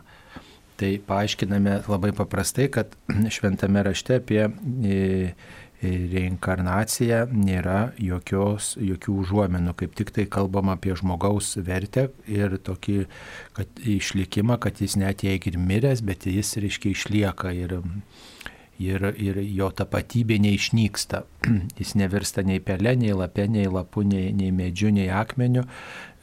Jėzus yra kalbėjęs apie tai ir Jėzus Taip pat, pavyzdžiui, atsimainimo scenoje, ne, prie Jėzaus prisertino tie asmenys, kurie jau seniai yra mirę, ne, bet, reiškia, jų tas artumas prie Jėzaus ir tas mokiniai jų tą atpažino, tas atpažinimas na, paliudė, kad vis dėlto žmogus yra tas, kuris išlieka net ir po mirties jo tapatybė nėra ištrinama, na, jis išlieka Dievo akivaizdoje ir, ir nepavirsta kažkuo kitu, kažkokiu, kažkokiu kitu daiktu ar panašiai. Tai jeigu žmogus atmeta, atmeta Jėzaus autoritetą, atmeta švento rašto autoritetą, na tai reiškia jisai netikintis, čia apie jokius įrodymus, nu, žinot, ne, neįrodysim, bet jeigu mes tikim Jėzaus žodžiu, mums svarbu svarbu bažnyčios mokymas ir juo remiamės, tai mes apie tai ir kalbame. Taip, dar viena žinutė. Ar nuodė, nėra nuodėmė skaityti Bibliją, kurią kapinėse praeiviams dalyjo Jehovistai ir ši Biblija teisinga? patartume neskaityti mm, kitų mm, bendruomenių, ypatingai mm, tautų, kurios nėra už krikščionių vienybę leidžiamų šventųjų raštų, leidžiamų naujų testamentų ar senų testamentų, tikrai ten gali būti iškraipimų. Yra galimybė nusipirkti katalikų viskupų konferencijos aprobuotą Biblijos leidimą ir taip pat e, e, ekumeninį Biblijos leidimą ir jį patarėme skaityti. Mums paskambino Skambina klausytoja Elvyra iš Utenos. Taip, klauskite Elvyra. Garbė Jėzus. Per amžius. Kadangi laida klaus drąsiai, drąsiai klausiu. Čia pas mus jau prieš kelius metus dirba, nu, jisai mokėsi, klerikus. Aidas Domis. Kur jisai pradinga dabar? Man jau labai reikia, jis labai buvo jautrus žmogus kiekvienam žmogui. Niekada nepasišaipė. Jau jis tada buvo egzorcistas. Kodėl jo neišventina į kunigus? Taip. Negali pasakyti tokį. Aidas domėsis. Kreipkitės į savo vyskupą, į vyskupijos kuriją, ten, kur gyvenate, ten, kur sutikote tą žmogų ir tiesiog ten e, paaiškinimus gausite. Mes tikrai apie tokias personalijas, ten kažkas, kur buvo, tikrai neturim informacijos. Taip, kodėl krikščionybė pristatoma kaip vienintelis kelias, juk žmogaus gimimo vieta lemia, kurią iš didžiųjų religijų išpažins. Ar teisinga, kad tiek pasaulio žmonių neturės šansų būti išgelbėti? Na, tai šansą išgelbėti turi kiekvienas žmogus, nepriklausomai nei kur jis gimė, nei kokia jo aplinka, tiesiog pirmiausia jis yra kviečiamas gyventi pagal sąžinę mm, vengti blogio ir daryti gerą, tą, tą moko visos religijos, tačiau ar žmogus dėl savo kalties e, neieško ar ieško o, tiesos. Čia klausimas yra, vat, ar ieško tiesos, ieško prasmės, ne. Dabar kodėl krikščionybė pristatoma kaip vienintelis kelias, kaip jūs rašot, na, mes tai suprantame kad Kristus labiausiai priartėjo prie žmogaus iš visų kitų religijų. Jokio kitoje religijoje Dievas netapo žmogumi taip arti, jokio kitoje religijoje Dievas nepasiaukojo žmogų asmeniškai, kaip Jėzus Kristus už kiekvieną iš mūsų numirė ir prisikėlė, prisikėlė, Jėzus prisikėlė, ne? Čia yra esminė tikėjimo tiesa ir tą prisikėlimo galimybę dovanoja kiekvienam iš mūsų amžiną gyvenimą be pabaigos. Tai dėl to tai ir yra tas um, didžiausias Dievo artumas šitoj religijoje. Kunigė, gal ką pridėsite dar? Be abejo, visos religijos, pasaulinės religijos įkūrėjai buvo žmonės. Ne, galima sakyti, žmonės, kurie turėjo tikrai nemažai išminties, kalbėjo apie Dievą, bet krikščionybėje Dievas pasireiškia ypatingų būdų. To, kad jisai tapo žmogumi, tapo vienu iš mūsų. Ir tai, tai yra aukščiausia Dievo pasireiškimo, pasireiškimas žmonijos istorijoje. Tai būtent krikščionybėje per Jėzų Kristų. Ir tuo krikščionybė kartais ir na, oponentai ir, ir, ir kiti, kitų religijų atstovai na, kritikuoja krikščionybę, kad jūs e, neva dedatės, na, tokie vieninteliai, išskirtiniai, nepakartojami, e, bet Jėzaus žodžiai yra, tikrai mes jų negalime išsižadėti, negalime jų e, atmesti kad Jėzus kalbėjo būtent, kad aš esu kelias tiesa ir gyvenimas ir tik tai per, per Jėzų Kristų mes ateiname. Ir ta, ta žinia, jinai, jinai yra radikali. Be abejo, krikščionybę reikia priimti ir jinai turi, turi tikrai nemažą, nemažą tokį mums uždeda tą radikalumą tokį, kad su Jėzumi neįmanoma būti nu, kažkokiam tokiam tarpiniam santykiai. Tai arba tu už, arba tu prieš. Arba tu tikrai priemi Jėzų į savo gyvenimą kaip jį, kaip Dievą, arba tu jį atmeti ir laikai tik tai jį kažkokiu tai išminčiumi, e, dar vienu iš daugelio tų, tų variausių, tų didžiųjų religijų įkūrėjų, bet yra tik tai vienas iš, iš daugelio, ar ne? Tai mums tas toks radikalumas jis, jis yra ir kad, kad Dievas tapo žmogumi būtent tik tai, tik tai Jėzuje Kristuje.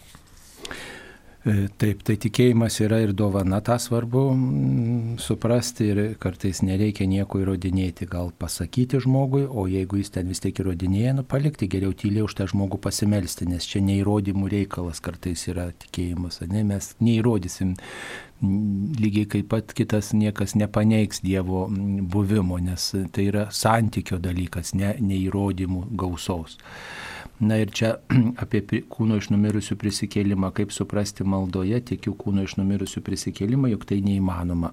tai, mėla klausytoja, jūs turbūt norite savo jėgomis, savo protu suprasti vat, kūno iš numirusių prisikėlimą, bet reikia tokį dalyką įvertinti, kad žmogaus mintis tai ne Dievo mintis. Juk jūs, pavyzdžiui, negalite padaryti, sugebėti padaryti visų darbų, kuriuos kiti žmonės net padaro. Nu, pavyzdžiui, laikrodį išardyti ir vėl sudėti.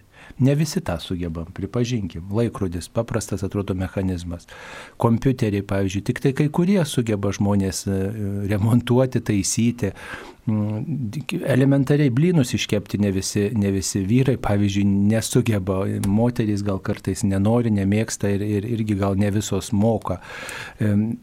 Tai ką kalbėti, jeigu žmogiškose dalykuose mes skiriamės ir negalim padaryti, ko kitas gali, tai o Dievas yra visagalis ir jis gali viską padaryti, viską gali padaryti ir palikite Dievo išminčiai. Jeigu Dievas pažadėjo, tai jis nėra melagis, jis yra tobulas ir jis padarys ir savo pažadus išpildys. Jeigu Kristus prisikėlė, tai ir tuos, kurie susivienyje su juo, taip pat prikels gyvenimui. Tiesiog reikia, nu, va, ir yra tikėjimas, prieimimas, apsisprendimas to, kas atrodo man, nu, neįmanoma, bet ta rizika tokia - eiti į tamsą, eiti į tą šešėlį, eiti į tą, kur, į tą tokią nežinomybę, į tą tamsų tokį e, neaišku mano protui koridorių, bet aš žinau, kad ten laukia tas, kuris pažadėjo laukti ir kuris niekada manęs šiam gyvenime neapgavo, kuris neapgavo žmonių šventam rašte, mano patirtis patirtį neapgavo, kitų žmonių patirtį neapgavo, tai kodėl man nepriimti tos tiesos, kurie atrodo mano protų nesuvokiama. Tai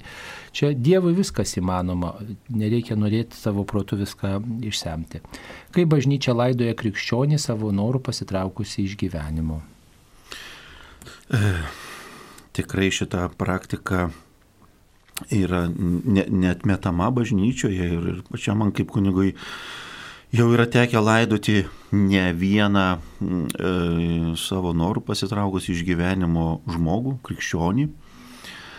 E, tikrai mūsų liturginiuose tekstuose mes neturime jokių maldų, šiais atvejais e, skirtų. E, Ir čia, čia yra tikrai, nu, nežinau, turbūt bažnyčiai ateityje reikėtų peržiūrėti, turbūt tos ateis turbūt laikas, peržiūrėti ir tuos e, liturginių maldų tekstus, nes tikrai yra iššūkis laika kunigui, kaip e, tos žodžius rinkti, e, nes tu negali sakyti Dieve, tu, kuris pasišaukia iš šio pasaulio, mūsų broli, mūsų sesę, nes tai netitinka tos tiesos. Bet tikrai, kai matai žmonės artimuosius, kurie ateina ir jiems tikrai yra didelis skausmas, didelis išgyvenimas, kurie nori melstis ir jie meldžiasi už savo, už savo artimą žmogų, kuris na, padarė tokią klaidą. Ir tai tikrai bažnyčia, bažnyčia netmeta šitos dabar galimybės, ačiū Dievui, e, meldžiamės ir mišios aukojamos ir pavedame tai Dievo gailestingumui, nes mes nežinome tikrai visos tos situacijos, ar ne, kaip tai žmogus pasitraukė iš to gyvenimo, kokios buvo sąlygos, ar jisai tą pilnai suvokė, ar tai, ar tai lygos e, buvo įtakotas, ar, ar kitų dalykų įtakotas žmogus ir žengė šitą žingsnį. Tai bažnyčia paveda Dievo gailestingumui visus ir netgi tuos, kurie pasitraukė iš šio gyvenimo ir atiduodame tai, kaip sakant, Dievui, Dievui spręsti, o mes, mes melžiamės. Ir, ir ačiū Dievui bažnyčia. Bažnyčia melžiasi už šitus e, tikrai tokį fatalų žingsnį žengusius krikščionis ir netmeta jų, nes tikrai pavedame tai tik tai Dievo gailestingumui. Taip, mums paskambino. Skambina klausytoja Bronė iš Anglininkų kaimo Biržų rajone. Taip, bronelė, klauskite. Norėjau tokį klausimą paklausti. Jeigu tėvai bažnyčia nesusituokia, ar gali vaiką krikštyti bažnyčiai? Gali, gali krikštyti, jeigu ir nesusituokia, e, net jeigu ir vienas nekrikštytas žmogus šeimoje, vis tiek gali vaiką krikštyti bažnyčioje.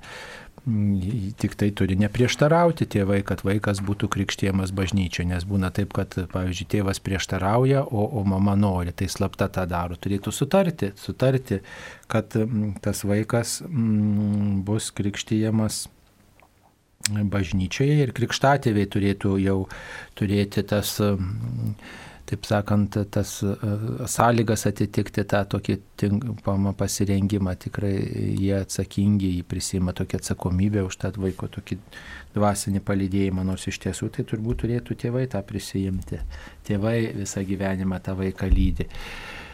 Taip, dar vienas klausimas, ar jau iš naujos studijos kalbate? Ne, kalbame dar, e, esame senojoje studijoje, tačiau bėgiojame ir vakar, ir už vakar čia buvo keletas laidų ir tiesioginių, ir netiesioginių, ir įrašų iš naujosios studijos. Jau pamažu laivas šitas Marijos radijo naujasis e, pastatas įsisiubuoja ir pradeda plaukti, e, taip sakant, ta e, kryptimi, kurią kuria jau jis ir buvo paskirtas, pastatytas visas šitas e, Marijos radio pastatas pradeda pamažu mm, gyvuoti. Tai mm, netrukus, jau visai netrukus, gali, turėsite galimybę girdėti laidas iš naujųjų studijų.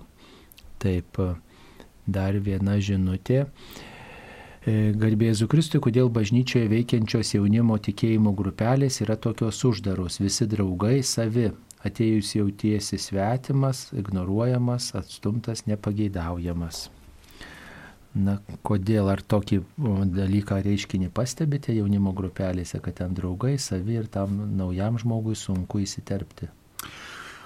Kiekvienos turbūt grupelės e, skirtingai turbūt ir- vertinamos yra.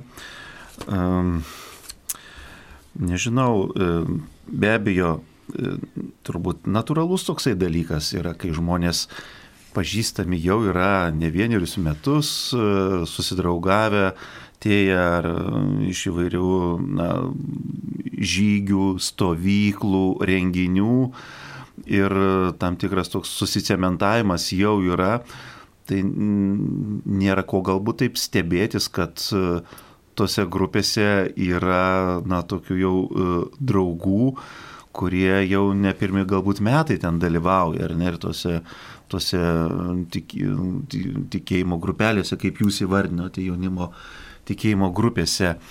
Ir naujam atėjusiam galbūt tikrai reikia, na, kažkaip tai tą savo vietą vietą, na, išbūti, iš, iš, jeigu tikrai ne, nesate pažįstami.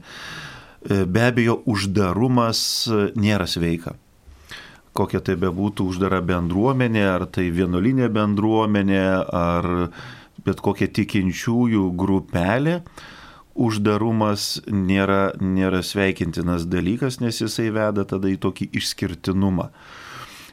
Kad vat, mes esame jėga, mes esame, reiškia, jau kieti tokie, o čia naujų mums nereikia, nes, nu ką tu čia dabar esi žalės, dar nieko čia nesupranti, nieko nežinai, o mes esame jau tiek patyrę, tiek visko nukeliavę. Tai be abejo, tai, tai nėra, nėra geras dalykas, tokie dalykai vykstantis, bet jų yra, buvo ir bus turbūt, kur žmonės, na, su, kaip sakant, susiaurina į tokių iki interesų grupės. Ir tik tai, tik tai yra tie, kurie, nu, vat, jau yra užsi, užsitarnavę kažkokią tai poziciją grupėse. Tai tiek galiu pasakyti.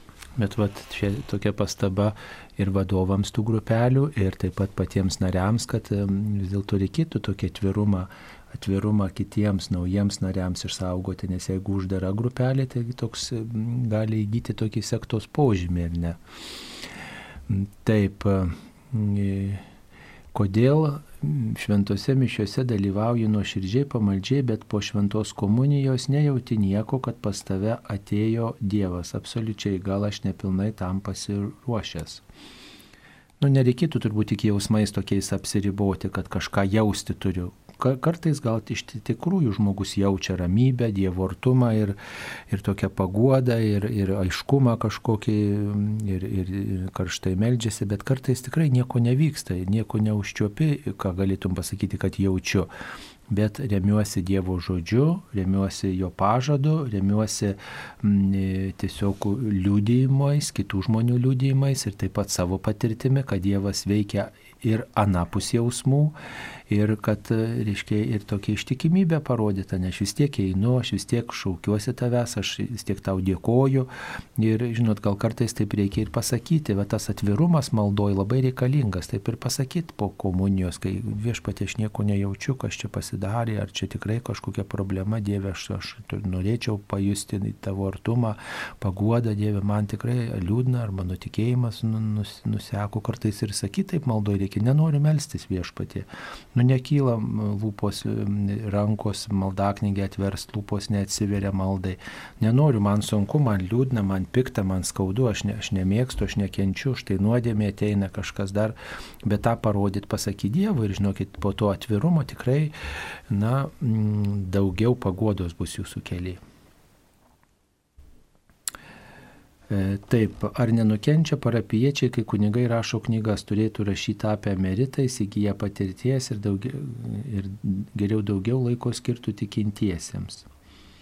Na, žinot, kunigai knygas rašo, bet ir knygos atlieka tam tikrą pastoracinę misiją. Na dar čia dėl laiko pastaba, ar kad netaisyklingai per Marijos radiją pranešamas laikas. Tikrai šitą pasižiūrėsime bet jau šitas klausimas buvo sprendžiamas anksčiau. Dar viena mums paskambino. Skambina klausytoja Marija iš Lasdyjų. Taip, klauskite. Taip, klauskite, mėloji, jūs eteryje. Ar girdit? Au. Ne, negirdi. Tai gal vėliau paskambins. Dabar dar viena žinutė. Taip, e, šeimoje gimė dešimt vaikų, iš kurių vienas mirė be krikšto, du gyvena invalidų pensionate, turintys didelę psichinę lygą ir nekalba mamai apribotos motinystės teisės, kaip jiems padėti.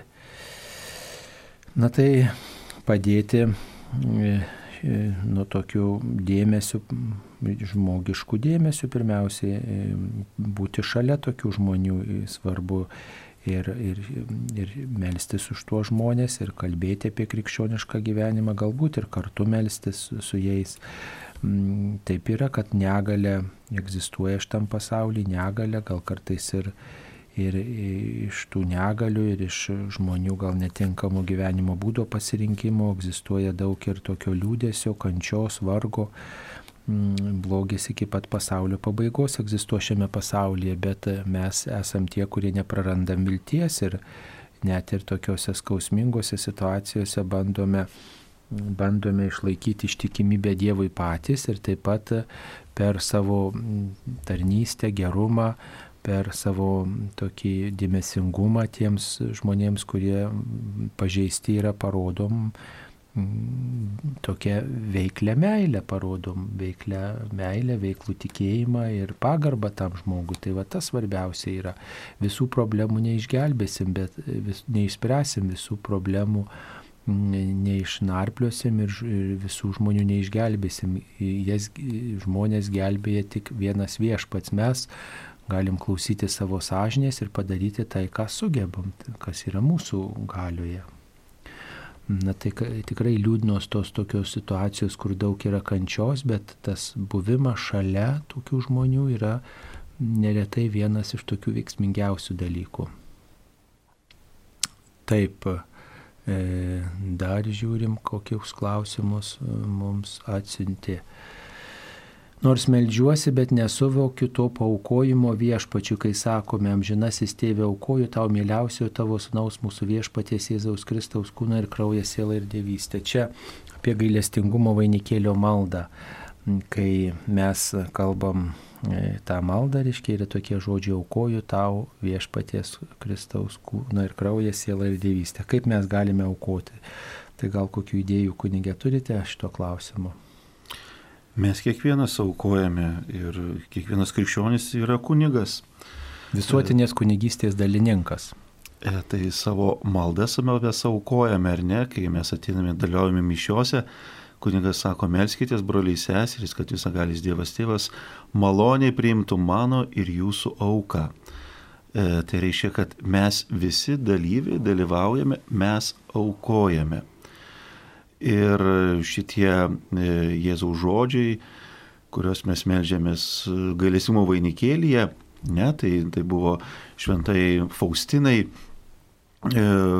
duoti žodžiai, ar ne, ir aukojame mes, ar ne, mes aukojame, pavedame tai Dievui pirmiausia, tai e, į Dievo rankas atiduodame, ar ne, pasaulį, save. Ir čia, čia yra mūsų malda šitie žodžiai, kaip sakant, e, sudėti ir e, to pakanka, kad mes turėtumėm šitą intenciją atiduoti pasaulį ir save, e, Dievui ir save ir pasaulį ir pavesti tai jo, jo gailestingumai. Tai, tai iš mūsų didelių pasangų čia tikrai nereikalauja Jėzus ir atiduoti. Jėzus atiduoda e, save visą už mus visus. Ir mes tik tai vienėmės su ta auka, kurią jisai jau yra atlikęs, jau yra padaręs. E, tai va, o kiekvienoje maldoje ir tame galėsimų vainikėlėje labai svarbu, kokią, ką aš aukoju konkrečiai, ar ne, kokią intenciją aš turiu toje maldoje už ką aš noriu melsis tą vainikėlį. Va, tai labai svarbu turėti savo konkrečią intenciją, e, besimeldžiant, e, o visą jau kitą pavesti Dievo galestingumui ir jo vedimui.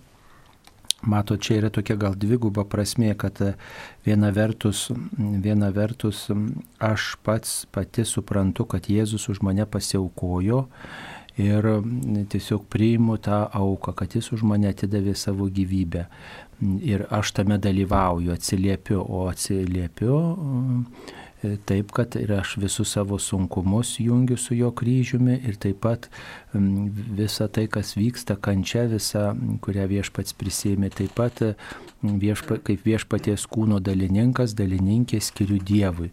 Nu, toks yra čia turbūt mistinės vienybės su Dievu išgyvenimas, kad Jėzus už mane pasiaukojo viena vertus, aš e, priimu tai ir nelieku abejingas arba abejinga, kad aš ir, ir savo sunkumus, ir, ir viso pasaulio blogį, dabar taip pat vat, su Jėzumi mm, aukoju Dievui. Iškia, aš tame dalyvauju, aš išpažįstu to vertę, kad galima pasiaukoti, kad Jėzus pasiaukojo ir aš ir laiką skiriu, ir maldą, ir rūpestį už tai, kad pasaulis būtų gelbėjimas, kad Dievo gailestingumas būtų išliejamas. Čia toks ir asmeniškas dalyvavimas, ir vienijimasis su Kristumi yra asmeniškas, kai aš visą, visus, visą blogį, visas nuodėmės skiriu na, vat, Dievui kaip kryžiaus dalį, visą tą blogį atiduodu Dievui kuris už tą blogį numirė ant kryžiaus. Tai toks, to, toks išgyvenimas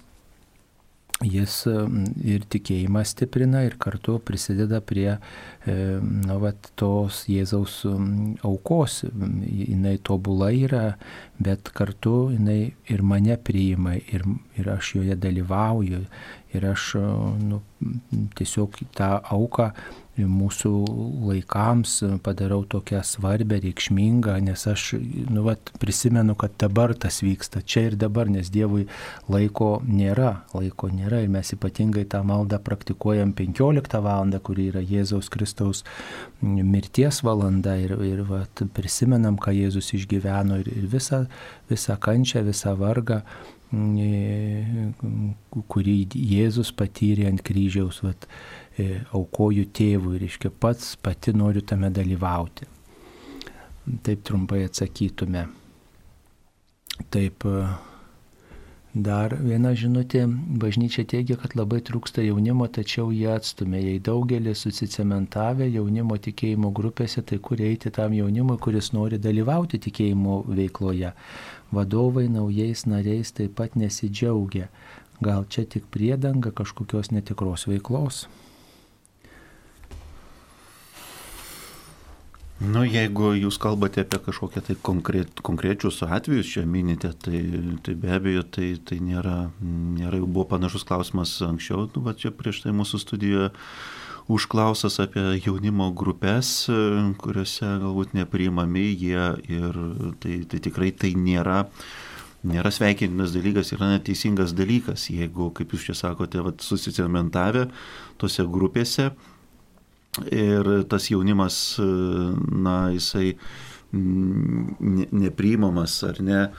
Ir jeigu tokios situacijos yra, tai tikrai reikia kalbėtis ir jas, jas viešinti galbūt ir kalbėti su kunigu pirmiausia, tai parapijos klebonas yra atsakingas už parapijo vykdomą sielovadą ir reikia informuoti, kad jisai žinotų, žinotų va, šitas situacijas ir, ir kad jas tikrai spręstų. Tai tuos dalykus reikia, reikia apie juos kalbėti konkrečiai, konkrečiose situacijose turbūt ir tose parapijose, kur jeigu pastebite va, tokius reiškinius, jeigu tikrai tas jaunimas jisai nėra priimamas, ir yra toksai vat, pastebimas toks grupės susi, reiškia, cementavimas, kaip jūs rašote čia, ir kad, kad nėra vietos tada kitam jaunimui kažkaip tai įsijungti.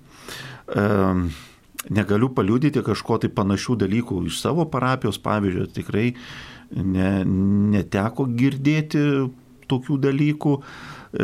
Parapijos aš atsakingas vat, su tėveliais dirbu, su suaugusiu katechezė, sielovada, alfa kursų, ir, ir, ir kitai, kita, kita sielovada su suaugusiais, tai tikrai stengiamės kiekvienais metais, kad būtų naujų narių. Ir, ir šiemet tikrai nemažai užsirašė ir taip pat yra uždavinys iššūkis, nes taip yra tasai susigyvenimas, pažiūrėjau, keturi metai su vienais tėveliais jau esame komanda, ar ne, ir jau pažįsti, pažįsti labai jau artimai ir gerai yra tas susigyvenimas, bet kad augimas būtų, reikia būti atviram ir reikia tuos kitus narius priimti ir be abejo vėl ir vėl save na, investuoti ar ne į naujus narius.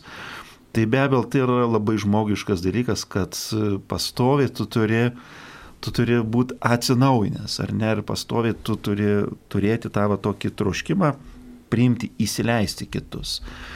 Ar ne kaip ir, ir šeimose e, tenka girdėti, kaip šeimos turi jau, pavyzdžiui, jau kelis vaikus Ir tai yra iššūkis naujai gyvybė, ar ne? Ir tai yra didžiulis, didžiulis iššūkis vėl, vėl, kaip sakant, atverti savo širdį. Tai taip pat ir bendruomenė, kaip šeima, kuri yra susigyvenusi, reikia jai atverti savo širdies duris. Tai čia yra iššūkis ir tikrai tas iššūkis, nu reikia apie tai kalbėti ir, ir tą dalyką atverti ir kalbėkite pirmiausia tai su, su savo parapijos kunigais. Taip mums paskambino. Skambina klausytoja Julija iš Liškiavos parapijos. Taip, klauskite, mėla Julija. Per amžius. Vatikane neseniai girdėjau apie intenciją. Pavyzdžiui, kad į vainikėlį, tai pasakai intenciją, ko aš, ko aš noriu, ko aš prašau. Bet, bet kaip aš kalbu, nesvarbu, kad ir rožančių, valis prašo labai melsis rožančių dėl taikos Ukraina už Rusijos atsivertimą. Betgi man labai svarbu tą, tą rožančių kalbėti ir už savo vaikus, už savo nukus, už mirusius, kurių be galo daug, už tai, ką pasaulyje, už, už popiežiaus intencijas. Tai, tai jeigu aš vainikė, vieną skirsiu vainikėlį va tam tikslui, nu tai tada kiti laukia. Aš tai taip darau, tai mane pataisysit. Sakau, viešpatį, išvardinu kokį kartą, sakau, tegul jau bus visam gyvenimui, arba kurį laiką vėl praleidžiu, sakau, ir išvardinu, kiek man daug reikia už ką melstis. Aš, man tiesiog sunku praleisti, anas laukia. O aš dabar tik už šitą. Aš taip suprantu, kad viešpas turėtų ir priima tą rožančių, ne tik tai už Ukrainą maldą rožančius, bet priima ir už kitom, kitas intencijas.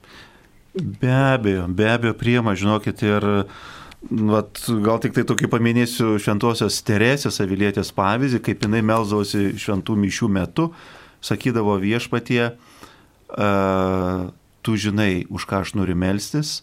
Na, aš čia perfrazuoju iš tos knygos, kaip jinai rašo, bet sako, viešpatie, aš tau aukoju savo širdį ant altoriaus, o ten tavo, mano širdį yra visos tos intencijos, už ką aš noriu melstis. Tai Dievas žino.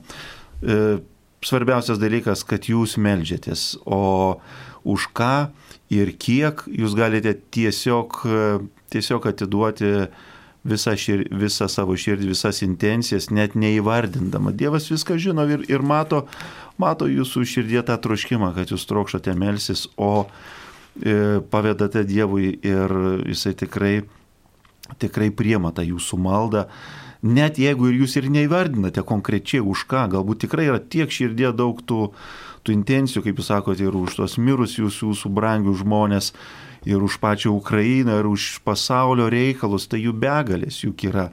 Tai va tikinčiųjų ta malda, kurią mes visi jungiamės, tai mes visi pavedame, tai Dievo malonė ir jo gailestingumai. Taip, gerai. E, tai ačiū, kad e, klausėte. Dar viena žinutė apie pašaukimą. Buvo čia tokia žinutė. Jaunuolis mokėsi kunigų seminarijoje, katalikų seminarijoje, šventimų nedavė, ieškojo ir tapo literonų kunigu. Ar teisus būčiau sakydamas, kad šitame žmoguje Dievo pašaukimas buvo, o jis netapo katalikų kunigu?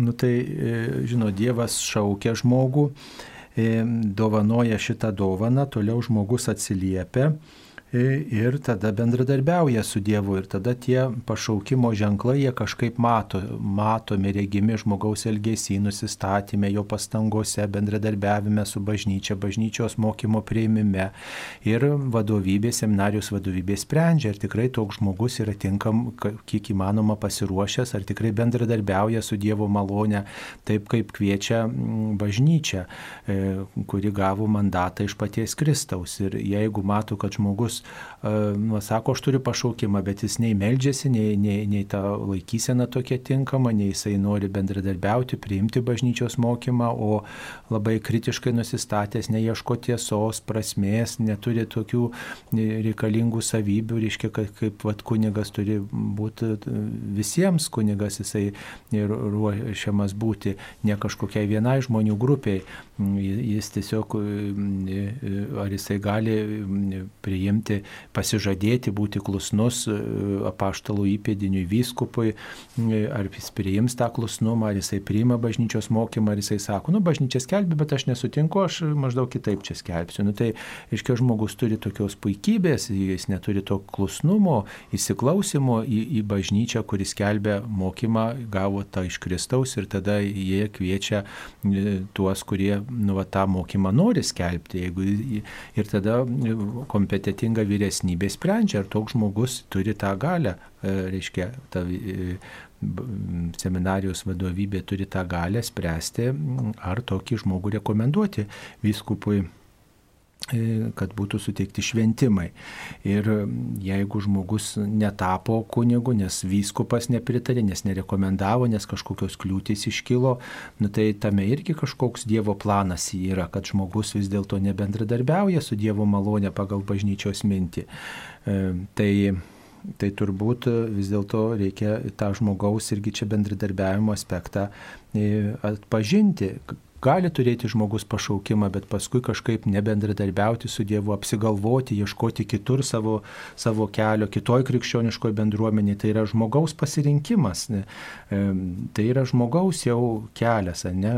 Ir, ir Aišku, visada galima čia ir ta klaida, kad ir vadovybė suklysta, ir kartais pats žmogus suklysta pasirinkęs išeiti, arba kai, kai tiesiog sako, tu nesiek, nes tu netinki, nes nėra tų ženklų ar panašiai, o žmogus vis tiek vat, eina kažkokiu būdu. Tai čia nu, yra tas toksai, nu, kaip čia pasakyti, dramos aspektas, tok, tokio, e, tokio sudėtingumo aspektas šitam keliui, bet, e, žinot, jeigu žmogus tikrai yra sąžiningas, jeigu jis tai ir patiria sunkumus kažkokius, bet ieško kelio, nu Dievas jisai, jisai bendradarbiauja su, su, su žmogaus tokiu geranoriškumu, žmogaus gera valia, žmogaus tikėjimu, jisai ne, nėra taip, kad davė pašaukimą ir paliko, ir palydė žmogų šitam keliui, o, o, o istorijų yra visokių, bet galimas daiktas, kad žmogus turi pašaukimą, o jis tiesiog, žinot, e, išeina iš kunigystės, o ir tebe turi pašaukimą, bet jis tiesiog pasirinko kitaip. Dievas irgi gerbė tą žmogaus pašaukimą ir pasirinkimą gerbė. Taigi, mėly Marijos radio klausytojai, tiek suspėjom atsakyti į jūsų atsiustus klausimus. Dėkojam visiems, kurie klausėte. Dėkojam kunigui e, e, Liutaurui Vilieniškiui iš e, Vilijampolės Kauno mieste parapijos, iš Švento Juozapo parapijos. Ir taip pat kuningas Liutauras dirba ir jaunimo centre bei pašaukimų selovadoje. Ačiū kunigė Liutaurai, kad atėjote į šią laidą, atsakėte klausimus. Prie mikrofono buvau ir aš kuningas Saulis Bužauskas. Visiems linkime ieškoti tiesos, prasmės, pagarbiai, kantriai, ištikimai ir nepaniekinti nuolankumo darybės. Niekuomet. Ačiū Jums sudė.